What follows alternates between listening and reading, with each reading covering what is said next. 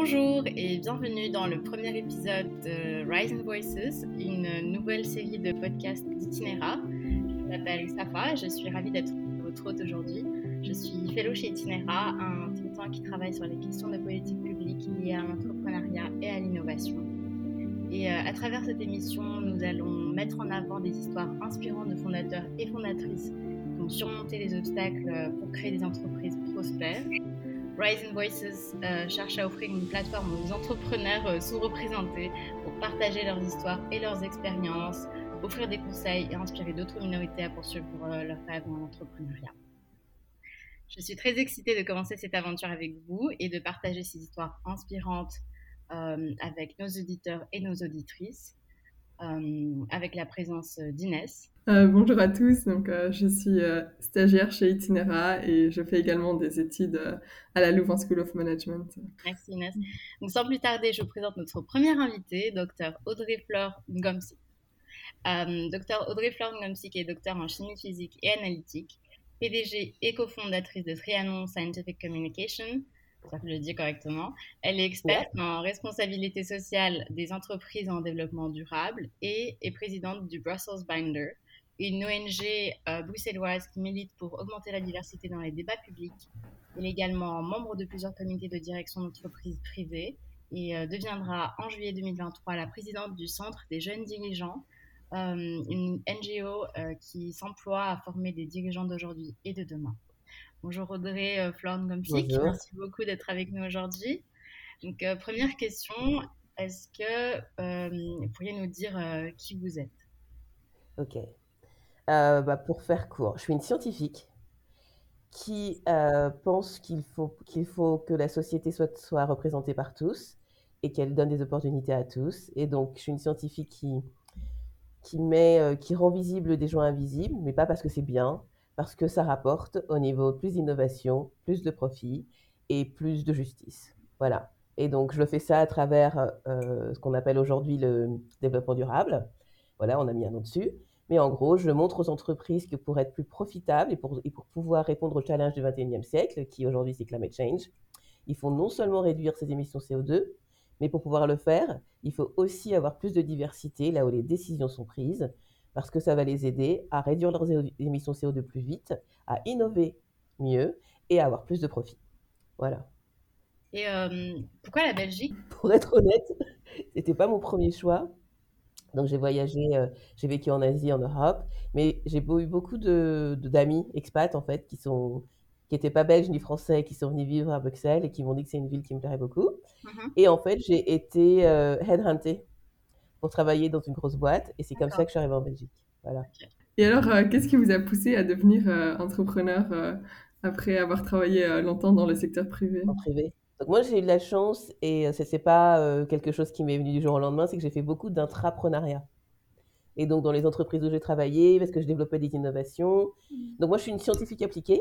Ça veut dire que je veux pas, je veux voir ce qui se passe avec euh, ce que je, ce que j'invente. Et donc en fait, je voulais euh, pouvoir, euh, donc à chaque fois j'ai travaillé avec des, des, innovations, des sciences fondamentales, pouvoir faire une application pour que les consommateurs puissent l'utiliser, d'accord, et voir en fait leur réponse, voir si ça prenait le marché ou tout ça. Mm-hmm. Et donc du coup, et donc pourquoi l'entrepreneuriat Oui, parce que donc j'ai fait beaucoup d'entrepreneuriat et l'entrepreneuriat ça veut dire que on a une idée, on veut la développer. Et moi, j'ai eu la chance d'avoir des, des, boss qui me disaient, bah, trouve l'argent. Et si ça marche, crée une joint venture. Mmh. Voilà. Et donc, du coup, c'est de l'entrepreneuriat dans l'entreprise. C'est de l'entrepreneuriat dans l'entreprise. On a juste le safety net qu'on a toujours son salaire. Mmh. D'accord? Mais en, faisant, en venant en Belgique et en travaillant euh, pour, une, pour une grosse boîte, parce que moi, par choix, j'ai toujours travaillé dans des PME pour des grosses boîtes. Donc, j'étais toujours extérieur à la grosse boîte. Mmh. Et là, en Belgique, j'ai été intégrée dans la grosse boîte. Et en fait, on se rend compte que c'est beaucoup plus facile de faire du développement durable quand on est extérieur. Parce qu'on a un regard holistique sur l'entreprise et parce qu'on est payé en fait pour faire avancer les choses. Et donc, du coup, j'ai créé l'entreprise avec un, partenaire pour ça. Voilà. On l'a créé, euh, Triano existe officiellement depuis trois ans. D'accord. Voilà. Mais on a passé une année en fait à. Parce que nous en Belgique, on n'avait pas de network network, notre network est plus international. Mhm. Donc, on a passé six mois à juste euh, établir notre expertise, dire aux gens qu'on existe, publier, publier, publier, faire, avoir un blog, montrer, faire des choses, donc voilà, des, des choses dans, des, dans des NGO, dans des entreprises pour leur montrer qu'on sait faire. Voilà, au début, c'était vraiment pour asseoir notre présence. Quoi. Et après, on a eu notre premier client il y a trois ans. Il y a trois ans. Voilà.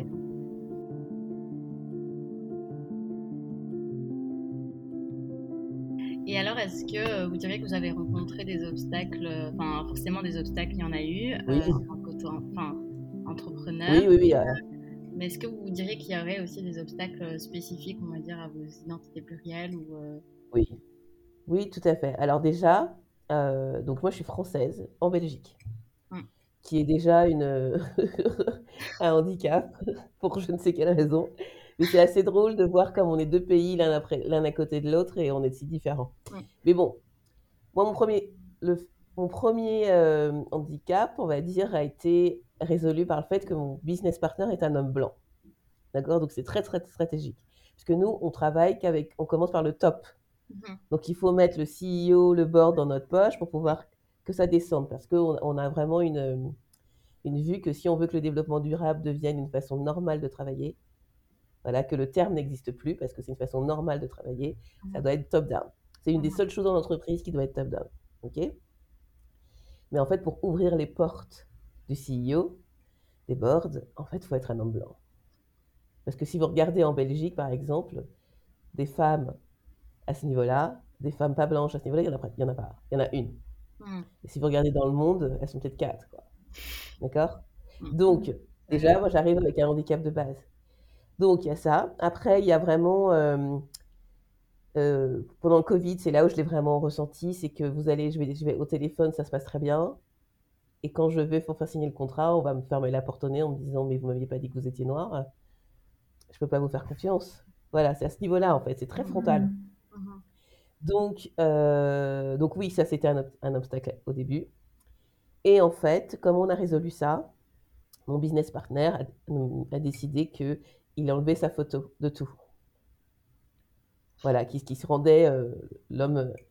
On sait qu'il existe, son nom est là, machin, mais, mais en fait, il met pas sa photo visible et que moi, je devais mettre ma photo visible à tous. Comme ça, les gens qui viennent nous voir, même s'ils ont fait un travail au début parce que voilà, machin, en fait, quand ils viennent, on sait, ils savent. Mhm. C'est plus une surprise. Et donc, c'est vrai qu'au début, ça a éliminé vraiment beaucoup de stress et beaucoup d'abrutis, quoi. Mais donc euh, la stratégie de justement les rencontrer d'abord et euh, ça marche, ça a marché? Euh, oui, alors en fait, au début, bah, euh, je pense que notre boîte, elle a mis, elle a mis 3-4 mois à démarrer vraiment, alors que ça aurait pu être plus rapide. Mais en fait, ce qui, est- ce qui, ce qui marche super bien, c'est que il- quand c'est nécessaire, c'est lui qui ouvre la porte, en fait. D'accord? Donc, vous allez à des meetings, les gens, ils vous regardent même pas. Ils le regardent lui. Et après, vont- quand il dit, bah, c'est Audrey l'experte dans ce sujet, et ils ont une attaque, mais ça avance. On voit bien qu'il y a le biais qui fait, ah oui, merde. Mais ça avance, en fait. Donc, il faut quelqu'un pour ouvrir la porte. Et, et moi, là-dessus, je suis assez stratégique là-dessus. Mhm. Euh, c'est pas grave. C'est la vie. C'est le. Faut être pragmatique. Hein. C'est le monde d'aujourd'hui. Quand on est une femme, déjà, c'est compliqué. Mais, euh, mais euh, parce qu'il n'y a pas beaucoup de femmes euh, dans des boards, il n'y a pas beaucoup de femmes CEO. C'est en fait c'est pour ça que c'est compliqué. hein. Et c'est pour ça en fait que moi j'insiste sur mon titre. Euh, voilà, docteur. C'est aussi pour ça quand je vais à des conférences et qu'on dit à tout le monde ah docteur machin, docteur machin et Audrey, je fais non, c'est pas Audrey, c'est docteur. Parce que voilà, il y a un espèce de biais que euh, une femme, euh, une femme et une femme pas blanche, c'est entertainment, c'est voilà, si c'est Beyoncé, c'est cool, et autre chose, non. c'est vrai. voilà, ça c'est un biais en fait. Tout le monde a des biais, mais il n'y a pas beaucoup qui, qui travaillent dessus en fait pour, pour, les, pour les combattre, c'est ça le problème.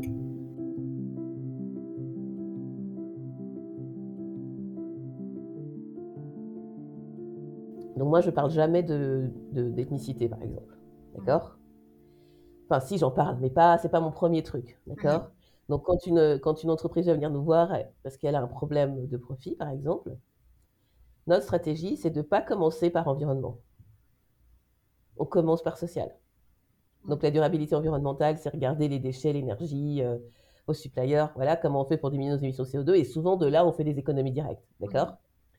Et, y a, et la plupart des gens, en fait, ils vont regarder comment je fais pour diminuer les coûts en premier. Et donc, du coup, ça, c'est l'environnement. D'accord? Nous, on va regarder comment je fais pour augmenter mes revenus en premier. Ça, c'est social. D'accord?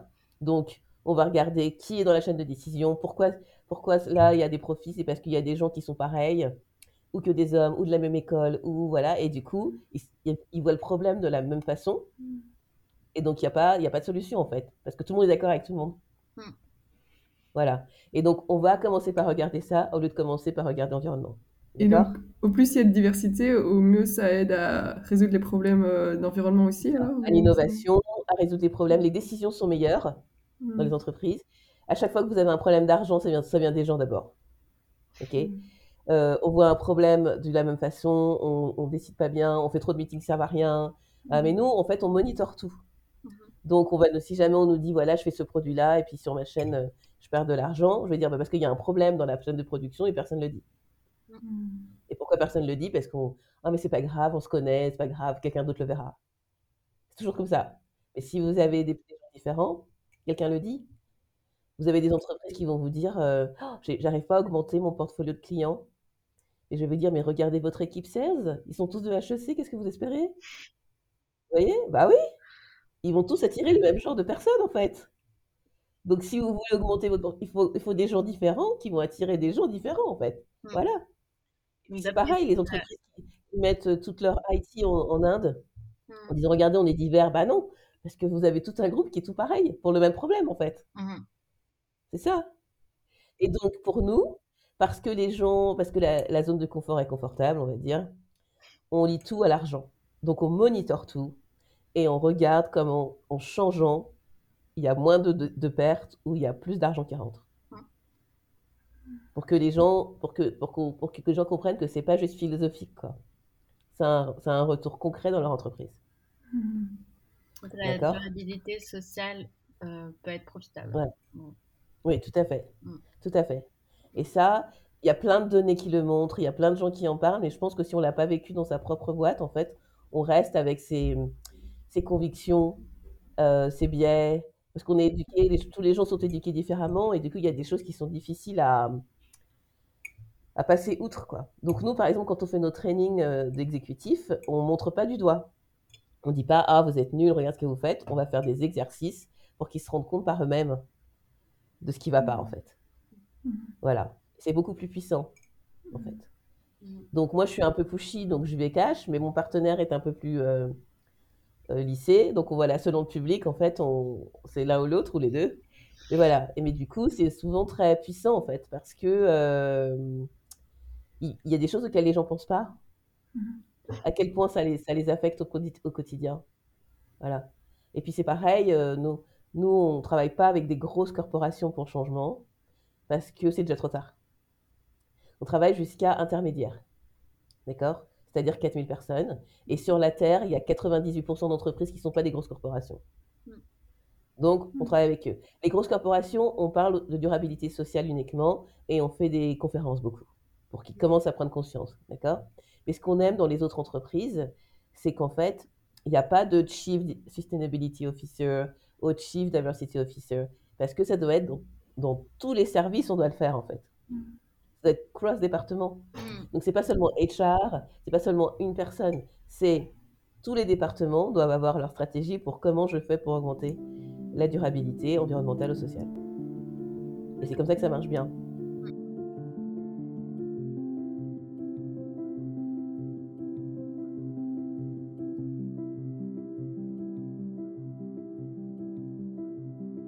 Si vous regardez en politique, ou dans les grosses NGO et tout ça, qui a la tête, c'est des hommes blancs.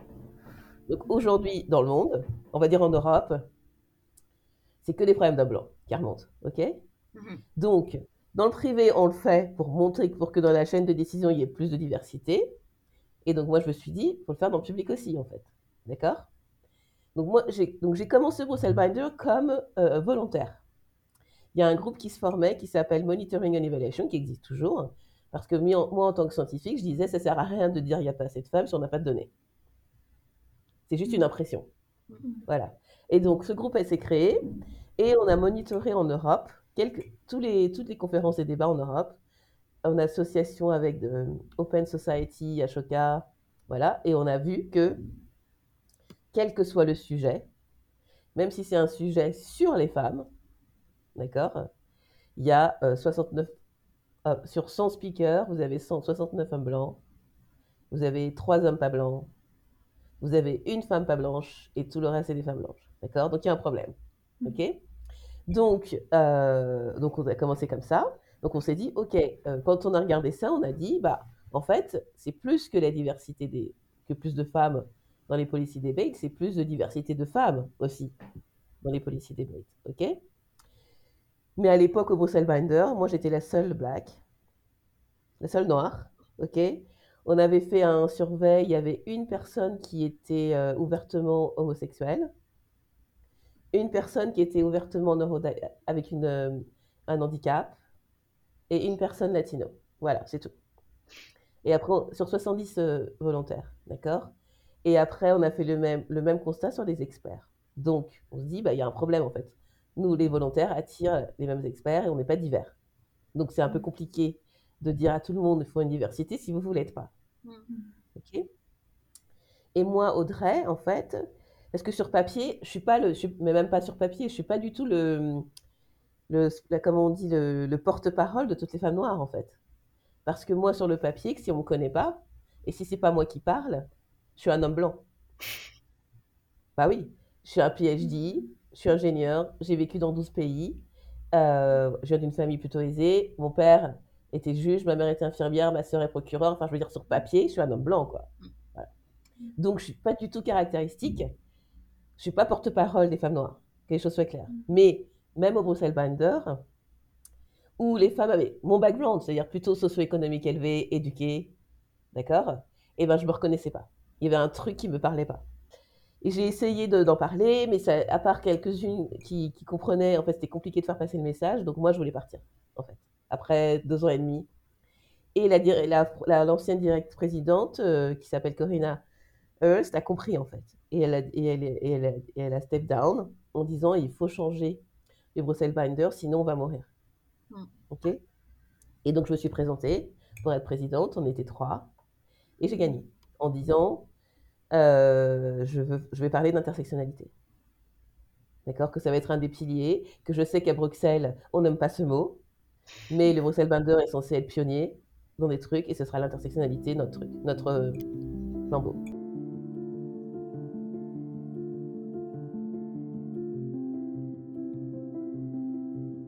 Donc, qu'est-ce qu'on a remarqué en fait? Ce que j'ai remarqué moi, c'est que moi, en étant donc juste avec la publication Audrey Ford Gumsey, qui était le président du Bruxelles Binder, on a eu 15% de volontaires qui arrivent, qui n'étaient pas forcément blancs, pas forcément, pas forcément mais qui n'étaient pas NGO déjà.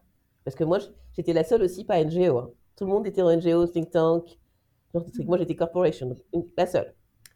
Donc déjà, c'était déjà un truc. Voilà. Et après, quand on a commencé à, à dérouler la stratégie, la nouvelle stratégie et tout ça, et ce qu'on va faire, c'est essayer d'écrire un manifesto pour pouvoir le, en tirer parti euh, pour les prochaines élections, en fait. Mm. Voilà. Avoir des ambassadeurs à l'extérieur qui en parlent et Mhm. disent Moi, je participerai pas à un policy debate s'il n'est pas divers. Et encore une fois, quand on s'occupe, quand on, quand on laisse la place aux, aux gens qui sont le plus invisibilisés, en fait, on fait grandir tout le monde. C'est comme, euh, pour vous donner un exemple tout facile, l'ascenseur. C'est pour les personnes qui, qui ont, qui ont une mobilité réduite. Mais en fait, vous êtes bien content d'avoir votre ascenseur quand vous vous cassez la jambe au ski, euh, quand vous boitez parce que je sais pas quoi. Donc voilà. En fait, toutes les inventions qui ont été faites pour les personnes les plus faibles, en fait, aident tout le monde. Mm. Et ça, c'est ce que les gens oublient. Voilà. Quand on regarde les masques pendant le Covid, qu'ils n'aient pas été transparents, c'est délirant. Alors les gens, ils vont dire, ah, le plastique. Je dis, mais il y avait que du plastique partout pendant le Covid. Pendant le Covid. Mais du coup, on a mis de côté les gens qui lisent sur les lèvres. Mm. Voilà. Parce que quand on a pris la décision, ils n'étaient pas représentés. Il suffisait d'une personne là qui dise, en fait, il faudrait que les masques soient transparents. Du coup, ils auraient été lavables. Ils auraient été juste lavables euh, comme ça, en fait. Mm. Avec un peu de, avec un peu de désinfectant et machin. Mais il n'y avait personne. Donc, on l'a pas fait. Voilà. Et donc, c'est pour ça que la représentation est hyper importante, à tous les niveaux. Parce qu'on ne peut pas penser à des choses qui ne nous sont pas proches. Mm. Moi, je, moi par, par exemple, moi, je suis hétérosexuelle. Et ben, en fait, je me suis- on- et c'est difficile quand on dit aux gens, arrêtez. Si, si je vous donne un exercice et que je vous dis, je vous, ne parlez pas de votre famille pendant une semaine au boulot. D'accord? En fait, c'est dur quand vous êtes dans la norme. vous ne pouvez pas parler de votre famille, de votre côté privé au boulot pendant une semaine. Mm. Essayez, c'est hyper dur quand vous êtes dans la norme. Et ben ça, c'est ce que vivent des personnes qui, sont, euh, qui ne sont pas ouvertement homosexuelles et qui le cachent encore à leur famille. C'est hyper dur en fait. Mais moi, si, je n'avais pas fait cet exercice, en fait, c'est difficile de se. On peut, on peut avoir de l'empathie, mais en fait, le mieux, c'est de se mettre dans les pieds de quelqu'un pour se rendre compte à quel point des fois c'est dur, quoi. C'est ça, voilà. Et c'est ce que j'essaye de faire dans mes trainings et tout ça. Parce que je pense que si on éduque le haut, en fait, on, fait bouger tout le monde.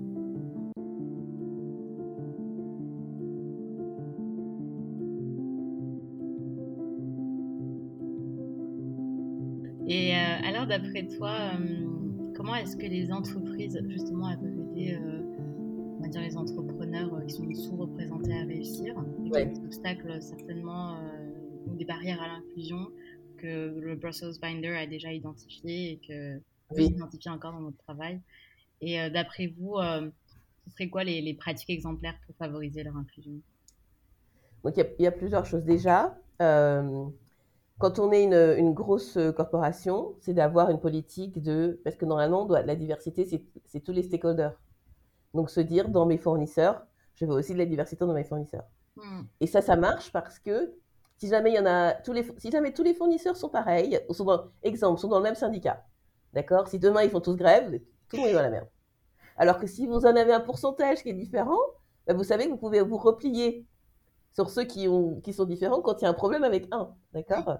Et ben, C'est ça la diversité. Donc, il faut des, des corporations qui se disent, voilà, maintenant, dans notre politique, dans nos fournisseurs, on aura un pourcentage de fournisseurs qui, où la boîte est dirigée par une femme, où la boîte est dirigée par une personne, par un fondateur au background divers, etc.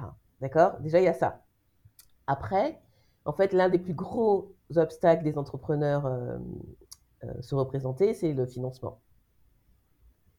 OK? Parce que euh, quand on est une femme et qu'on va à la banque, on nous demande plus de garantie qu'un homme, alors qu'on rembourse mieux. C'est ça qui est délirant. Voilà. Donc, quand on va pitcher euh, un des investisseurs, en fait, ils comprennent pas ou euh, ils disent oui. Enfin, déjà aux femmes et aux femmes pas blanches, il y a des, questions qui sont hallucinantes et euh, ils sont pas. Enfin, voilà, ils sont, ils sont. C'est deux mondes différents, quoi. D'accord? Et donc du coup, on a beaucoup, beaucoup moins d'argent. En fait, sur 100 euros, euh, les femmes pas blanches partagent tout. Alors, ça veut dire latino, black, euh, don't know, enfin tout, euh, tout le, tout le reste, quoi, Hmm. se partage 4%, un truc comme ça. C'est délirant, hein. Wow. Ok. Donc, euh, et donc, du coup, si les grandes entreprises fait- font des investissements et disent, voilà, nous, on va faire notre fonds d'investissement, et on, tous les ans, on, on- on- on va, on, va, on va investir dans, une, dans, des, fondeurs, dans, des fondateurs euh, divers qui, qui sont liés à leur euh, marché. Déjà, c'est chouette. Mais pour moi, le, le plus puissant, c'est que les entrepreneurs entre eux, en fait, parce qu'il y, a- il y a de la place pour tout le monde. Donc, si les entrepreneurs entre eux, déjà, se, se référencent, s'associent, sont des parten- partenariats ensemble pour travailler dans des grosses boîtes, mais le meilleur de meilleur, c'est le sponsorship. hein. C'est vraiment avoir des gens qui ont le pouvoir, qui ont, qui ont des connaissances. C'est pour ça que le networking, c'est hyper important. Que quelqu'un dise que vous êtes bon, ça a, plus, ça a vachement de valeur, en fait. Le problème de, des, des personnes qui sont un peu invisibilisées, c'est que quand un homme se fait une erreur, est mauvais, on va dire c'est lui qui est mauvais. D'accord? Quand une femme est mauvaise, on va dire, vous avez vu, on a pris une femme. On aurait dû rester. Ça va être ça. Alors après, quand c'est, quand c'est encore, quand c'est une femme intersectionnelle, eh ben, si elle fait du mauvais boulot, on n'engagera plus jamais quelqu'un qui a la même intersectionnalité parce qu'on a pris un risque. Hmm. C'est ça le truc. Donc, les femmes, les fondateurs, ils savent qu'ils doivent travailler trois fois plus, parce qu'ils vont travailler trois fois plus pour avoir un résultat qui est souvent beaucoup trop bien par rapport à ce qu'on leur a demandé. Voilà, mais c'est pour pouvoir montrer, regardez, moi je suis différente de vous et mon travail est nickel. Et donc oui. Après, il y a des gens qui ne seront pas d'accord avec moi, hein, qui vont dire mais non, les gens doivent changer, tout ça machin. Moi je suis pratique, pratico-pratique. On veut travailler, on veut gagner de l'argent. On a notre entreprise, on va avoir des clients. Le mieux c'est que les clients disent allez super, euh, engagez-la. Et pour ça, parce que on est différente, il faut que ce soit extraordinaire, toujours, pour dire son travail était nickel.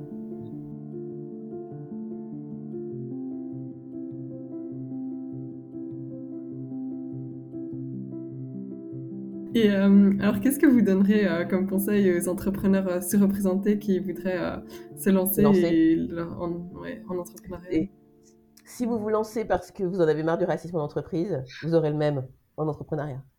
Si vous pensez qu'en étant entrepreneur, ce sera mieux, c'est pas vrai. OK? Après, se lancer dans l'entrepreneuriat, si vous avez une idée que vous y croyez, il faut pas écouter les gens qui sont autour de vous, il faut le faire. Hmm.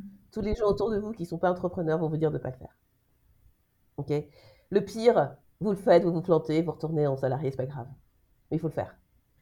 Euh, vont faire. Moi, j'ai commencé comme ça en faisant beaucoup de. avec ses propres fonds. Moi, c'est ce que j'ai fait. Et, c'est ce que je fais encore. Donc, je parle beaucoup, mais voilà. Mais maintenant, je cherche des fonds. Parce qu'en fait, on a payé des impôts. Hein. On a tous payé des impôts en tant que salarié. Même là, en tant qu'entrepreneur, on paye des impôts. Donc, tous les fonds disponibles, on y a droit aussi. Hmm.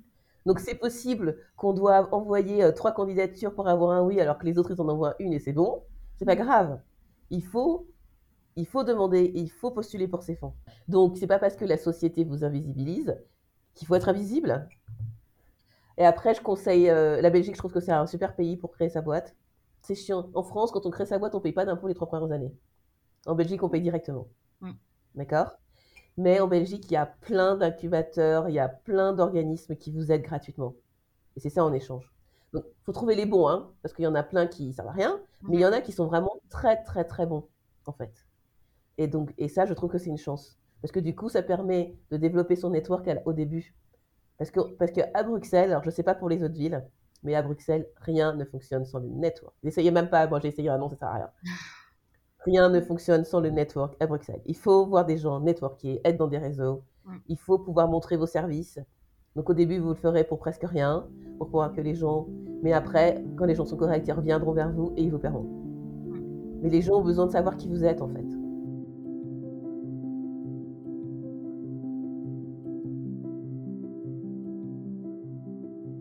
Et alors, d'après vous, euh, les entreprises donc, déjà existantes, euh, quels seraient les avantages justement dans ces entreprises de favoriser la diversité et l'inclusion euh? Il ne faut pas, il faut pas engager quelqu'un en se disant je vais pouvoir boire un bière avec lui, c'est cool. D'accord? Mm. Il faut engager quelqu'un en se disant ah, il comprend, notre, il comprend et il adhère à notre culture d'entreprise, mais il a ce truc différent qui fera qu'on va apprendre quelque chose. Mm-hmm. D'accord? Donc, à la place de. Avant, on disait culture euh, fit. Voilà, je vais boire un verre avec lui. Mais en fait, ce qu'on cherche, c'est culture ad. Dans l'entreprise, les profits, 97% des profits sont, sont, dus à des bonnes décisions. Et rapides pour l'entreprise. Et les décisions sont les meilleures et les plus rapides quand la diversité est là. Plus il y a diversité, plus les décisions sont les meilleures et rapides. Et quand je dis diversité, c'est diversité inhérente. Je suis une femme, je suis noire, je vois bah, une, personne blanche euh, et, une femme aussi ne verra pas, et qui est restée en France et moi qui, qui voyageais, on voit, on verra pas le problème, on voit pas le développement durable pareil, on va dire, par exemple.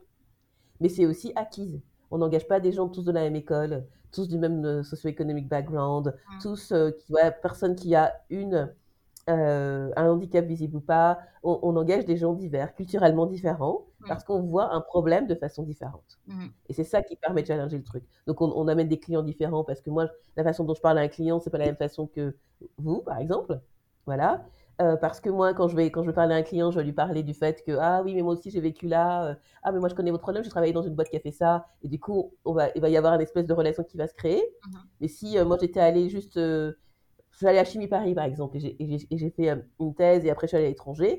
Si j'étais juste allée à Chimie Paris, restée à Paris, on n'a pas la même conversation. Hmm. Voilà. Et donc c'est comme ça, en fait, qu'on apporte la diversité. Donc ça apporte plus de profit, plus d'innovation. Voilà. Et sur le long terme, c'est vraiment quelque chose qui va pérenniser l'entreprise. Hmm. Regardez toutes les boîtes qui ont coulé pendant le Covid. Il y a des boîtes qui sont extrêmement connues et qui n'appartiennent plus à leur euh, fondateur de base qui sont maintenant dans des fonds américains, tout ça, mhm. parce que c'était des, c'était des hum, boîtes familiales, par exemple, et qui sont pas et qui n'ont pas vu le changement et qui se sont pas dit, je vais prendre, par exemple, des consultants extérieurs pour qu'ils nous, pour nous disent ce qu'ils voient, parce qu'ils étaient sûrs de leur biais, et qui maintenant, ça leur appartient plus, quoi. Mhm. Et même, en, et en tant qu'entrepreneur, bah, l'intérêt de networking, c'est d'intérêt, c'est de parler à des gens différents qui vont peut-être pas comprendre votre business et du coup vous savez que votre pitch n'est pas bon qui ont fait des choses que vous voulez faire et qui vont vous dire, bah, ils vont faire gagner du temps. Parce que du coup, vous n'allez pas faire l'erreur parce que quelqu'un d'autre l'a fait pour vous. Euh, ou euh, voilà, vous, vous, vous, allez parler de vos tarifs et vous allez vous rendre compte que, ah purée, je suis payé trop bas, trop bas, voilà. Parce que, en fait, comme ça vous permet de, bah, justement, la diversité des gens avec qui vous allez interagir, ça vous permettre de vous améliorer votre business model, améliorer votre interaction avec des clients, ce genre de choses. Donc, c'est vraiment important dans tous les niveaux, quoi. Mm. Si vous avez une, une idée, il faut, faut, le faire, il faut y aller. Ne pas avoir peur de quoi dire, qui, qui, qui dira-t-on, que dira-t-on, il faut y aller. Euh, restez pas tout seul, soyez stratégique. Voilà, restez pas seul, c'est un peu débile. Euh, et puis rappelez-vous que euh, c'est parce qu'on y, c'est parce qu'on y va qu'on change le monde. Hein, en restant chez soi, on fait pas grand-chose en fait. Hein. Donc, euh, donc voilà, allez-y.